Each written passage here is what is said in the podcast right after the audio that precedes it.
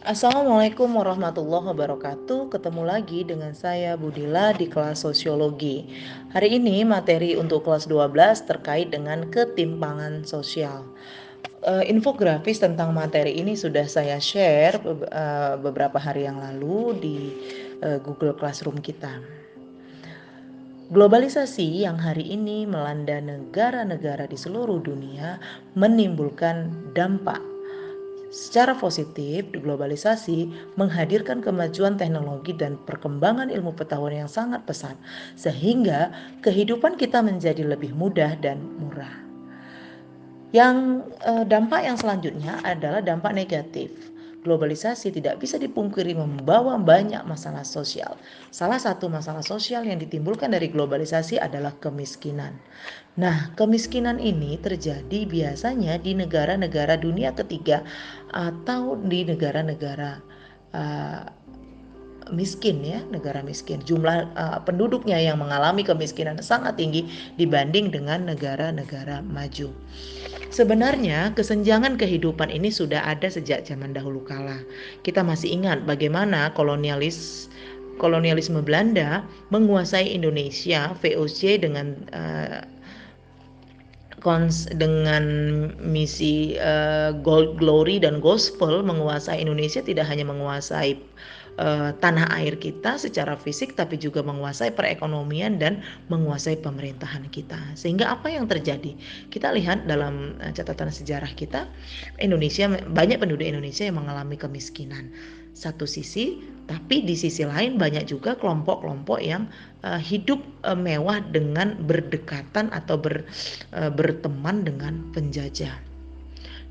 Nah, hari ini memang imperialisme dan kolonialisme seperti zaman Belanda dan Jepang sudah tidak ada, tapi muncul yang namanya neokolonialisme atau penjajahan baru, di mana negara-negara uh, maju yang uh, didominasi oleh negara-negara uh, Barat dan Eropa itu menjadi uh, penjajah-penjajah baru yang menguasai perekonomian sumber daya alam negara-negara berkembang dan negara-negara miskin. Masyarakat dunia dipaksa untuk menjadi masyarakat urban atau masyarakat kota. Misalnya contohnya begini, Indonesia yang dikenal sebagai masyarakat agraris, sebagai penghasil padi paling besar pada beberapa waktu yang lalu, sekarang harus terpaksa mengimpor beras dari negara Thailand. Kenapa? Karena sebagian besar lahan pertanian telah dijadikan uh, lahan industri, pabrik-pabrik. Kita dipaksa untuk menjadi pekerja pabrik menggunakan mesin-mesin. Padahal sebenarnya jika uh, sumber daya pertanian kita itu atau lahan pertanian itu dikelola dengan baik, maka dia bisa menghasilkan uh, produksi yang luar biasa yang tentu bisa membuat negara kita ini surplus beras bahkan bisa mengekspor beras. Tapi ini tidak dilakukan. Kita cenderung lebih memilih uh, mengadaptasi kemajuan negara lain negara maju ya negara Eropa itu dari sisi industri. Kita menganggap seolah-olah industri itulah yang membuat kita menjadi maju.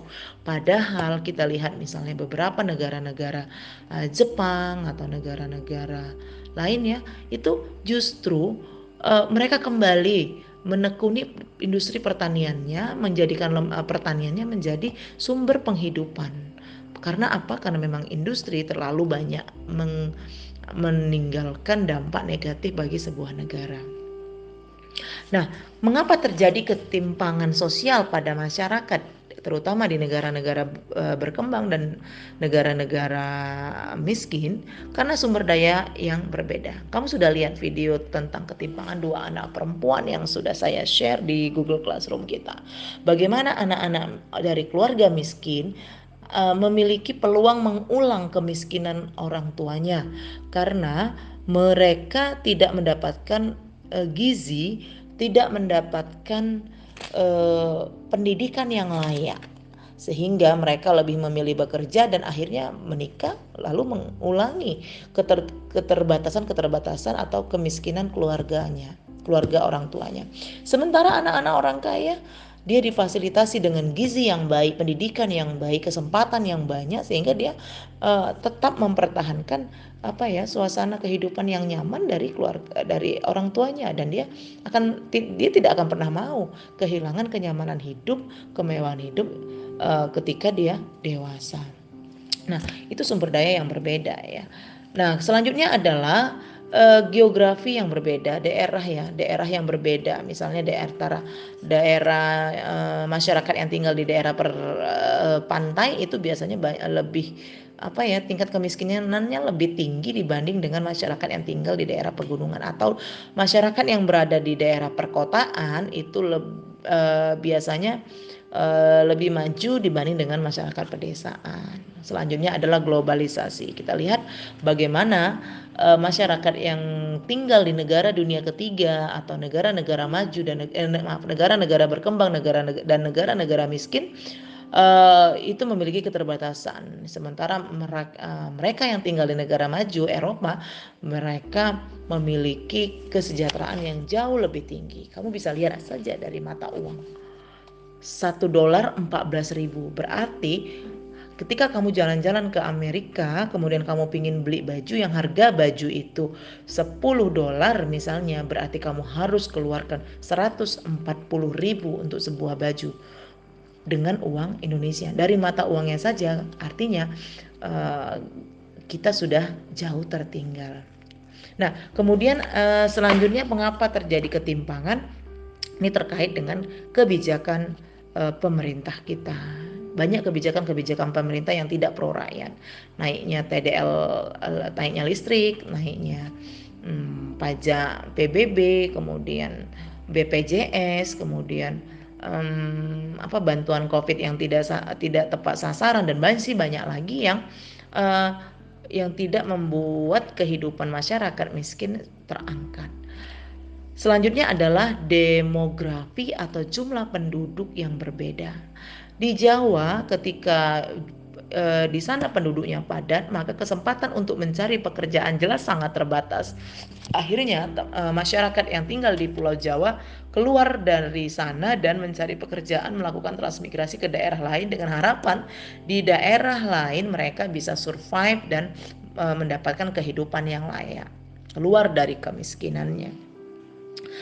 Selanjutnya adalah fakta uh, faktor internal individu. Nah, kadang-kadang walaupun kebijakan pemerintah itu tidak memihak rakyat, walaupun kamu berasal dari keluarga yang kurang mampu, walaupun kamu tinggal di daerah yang sangat-sangat jauh dari kemajuan ataupun uh, tinggal di daerah yang padat penduduknya yang sulit mendapat kerja. Tetapi kalau kamu memiliki kemauan yang keras untuk belajar dan berusaha kamu akan bisa maju dan keluar dari ketimpangan atau kemiskinan tersebut.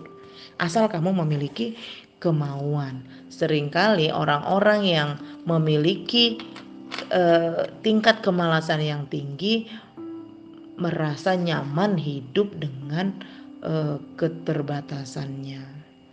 Ya salah satu penyeb, uh, jenis kemiskinan itu ada kemiskinan kultural jadi budaya miskin yang diturunkan atau kebiasaan malas yang tidak mau mengubah nasib padahal Tuhan sudah mengatakan dia tidak akan mengubah nasib kamu sebelum kamu mengubah nasibmu sendiri Nah, bentuk-bentuk uh, ketimpangan itu ada beberapa. Ada ketimpangan dari sisi ke, uh, kepemilikan harta, adanya orang kaya dan orang miskin. Orang kaya yang punya banyak harta sementara orang miskin yang tidak memiliki banyak harta atau banyak harta atau bahkan tidak memiliki harta sama sekali.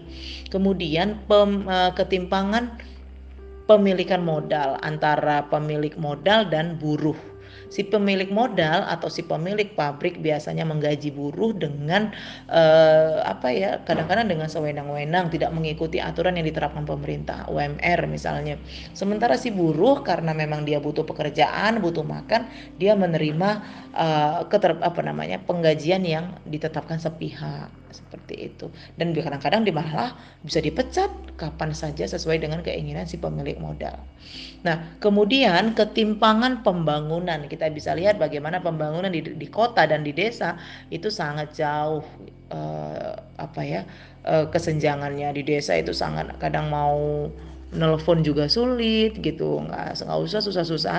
Sinyal misalnya di masa daring sekarang ini anak-anak yang tinggal di desa itu kewalahan dengan sinyal untuk belajar daring. Sementara di kota kita bisa memperoleh akses yang sangat baik. Kemudian eh, kesenjangan dalam kesempatan. Jelas orang-orang kaya, orang-orang berpendidikan jelas memiliki kesempatan untuk mengubah atau mendapatkan kehidupan yang lebih layak dibanding dengan orang-orang yang uh, berada di bawah garis kemiskinan. Saya pernah membaca sebuah uh, kisah ya, sebuah kisah dalam dalam sebuah buku cerita tentang seorang pria yang sangat uh, apa ya sangat peduli dengan masyarakat di desanya banyak membantu masyarakat di desanya. Ini kasus terjadi di di di di, di Sumatera Utara uh, dan sangat dijadikan tokoh masyarakat. Nah pada suatu ketika uh, masyarakat ada pencalonan kepala desa kepala desa kalau saya tidak salah dan uh, masyarakat mendukung penuh uh, si pria tersebut untuk menjadi kepala desa.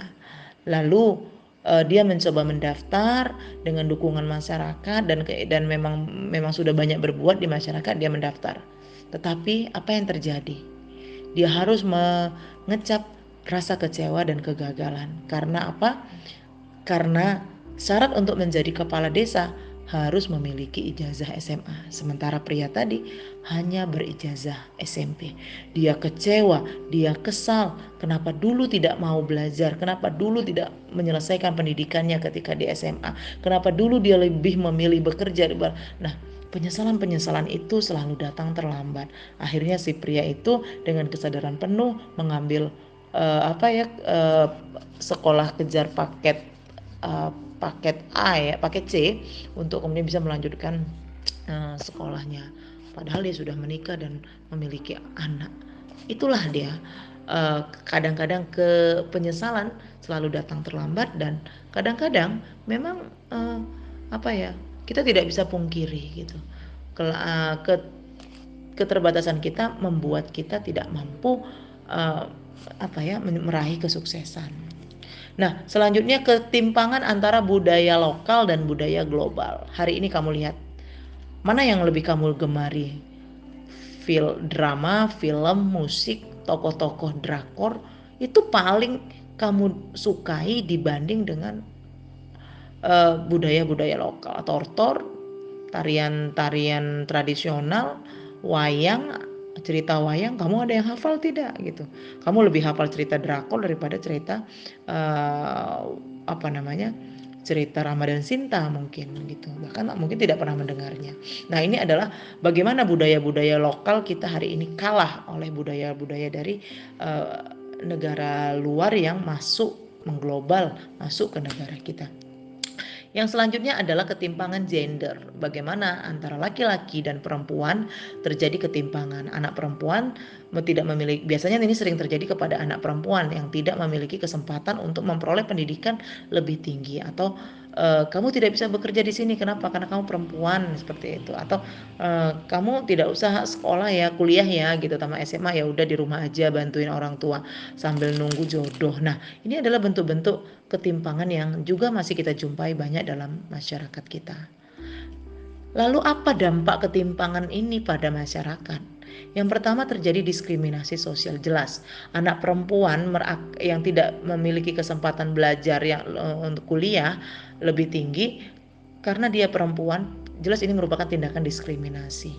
Atau anak uh, yang bisa menjadi apa namanya yang bisa mendapatkan pendidikan yang baik hanya anak-anak orang kaya karena hanya mereka yang mampu membayar sekolah-sekolah uh, yang bagus uh, untuk mendapatkan pendidikan yang baik. Jelas ini merupakan sebuah praktek-praktek uh, diskriminasi sosial. Lalu monopoli kekuasaan. Ini yang terjadi. Yang menjadi penguasa sering kali bukan orang-orang yang punya kapasitas untuk mengelola negara ini dengan baik, punya visi misi yang jelas. Tapi sering sekali hari ini orang-orang yang menjadi penguasa di negeri ini dari mulai apa eh penguasa bukan apa ya bukan hanya apa ya penguasa tingkat kecamatan, kabupaten, provinsi gitu. Itu bukan hanya bukan mereka kadang-kadang banyak bukan mereka yang memiliki kemampuan dan pengalaman yang baik dan memiliki visi yang baik tentang membangun sebuah negara atau membangun sebuah daerah. Tapi mereka-mereka yang mampu mm, melakukan pencitraan mereka yang memiliki banyak uang dan mereka yang didukung oleh uh, apa ya dukungan-dukungan bahkan dari dukungan-dukungan luar negeri pengusaha. Sehingga ketika mereka berkuasa orientasi mereka adalah bagaimana ya satu mengembalikan modal yang sudah mereka uh, gunakan. Berapa banyak orang-orang yang jadi kepala daerah pada pemilu memberikan sembako serangan fajar kepada masyarakat, masyarakat pun karena memang uh, miskin terki apa namanya tergiur menerima dan akhirnya ya sudah dipilih gitu. Padahal dia tidak punya kemahirnya ketika mem, uh, sudah uh, duduk ya dia akan mengembalikan berapa modal yang dia sudah keluarkan. Dan orang-orang yang membantu dia pada saat pencalonan juga akan meminta uh, jatah gitu. Apa sih? Aku sudah bantu kamu. Kamu bisa kasih apa sama aku ketika kamu sudah jadi pemimpin? Nah itu yang sering kali terjadi. Atau pencitraan. Dengan adanya media sosial gampang sekali hari ini melakukan pencitraan yang tidak pernah ke mana-mana tinggal disuruh nyungsep ke paret ngubek-ngubek paret pakai seragam uh, bupati atau wali kota ya dianggap sudah sangat uh, merakyat.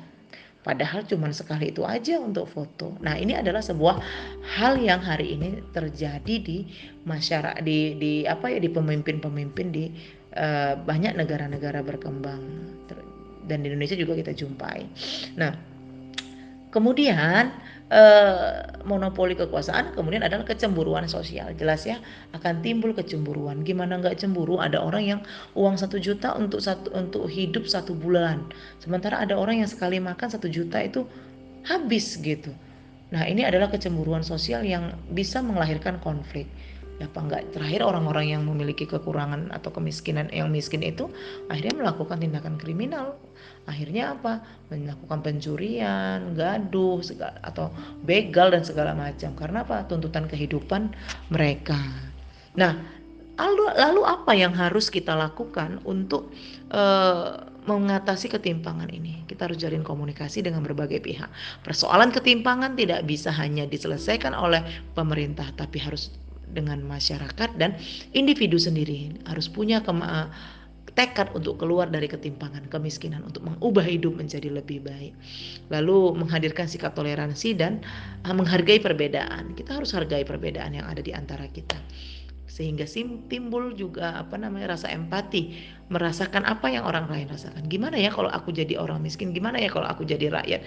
Uh, enak nggak ya kalau listrik dinaikkan sementara rakyatku uh, baru ada yang baru dipecat seperti uh, dari pekerjaannya? Nah rasa-rasa empati ini akan membuat kita um, apa ya lebih peduli dengan orang-orang yang tidak beruntung. Sehingga hadir sikap filantropis. Apa itu sikap filantropis? Sikap ingin membantu ingin berbagi ingin menolong peduli banyak ke, sehingga diharapkan orang-orang yang memiliki kelebihan secara materi kekuasaan dan pengetahuan membantu mereka yang mengalami uh, apa ya keterpurukan kehidupan sehingga bisa bangkit dan mendapatkan kehidupan yang layak Oke, semoga kita menjadi orang-orang yang uh, sukses keluar dari uh, masalah ketimpangan kehidupan dan uh, bisa membantu orang lain untuk bisa hidup layak sebagaimana layaknya hidup sebagai manusia. Terima kasih, semoga bermanfaat. Assalamualaikum.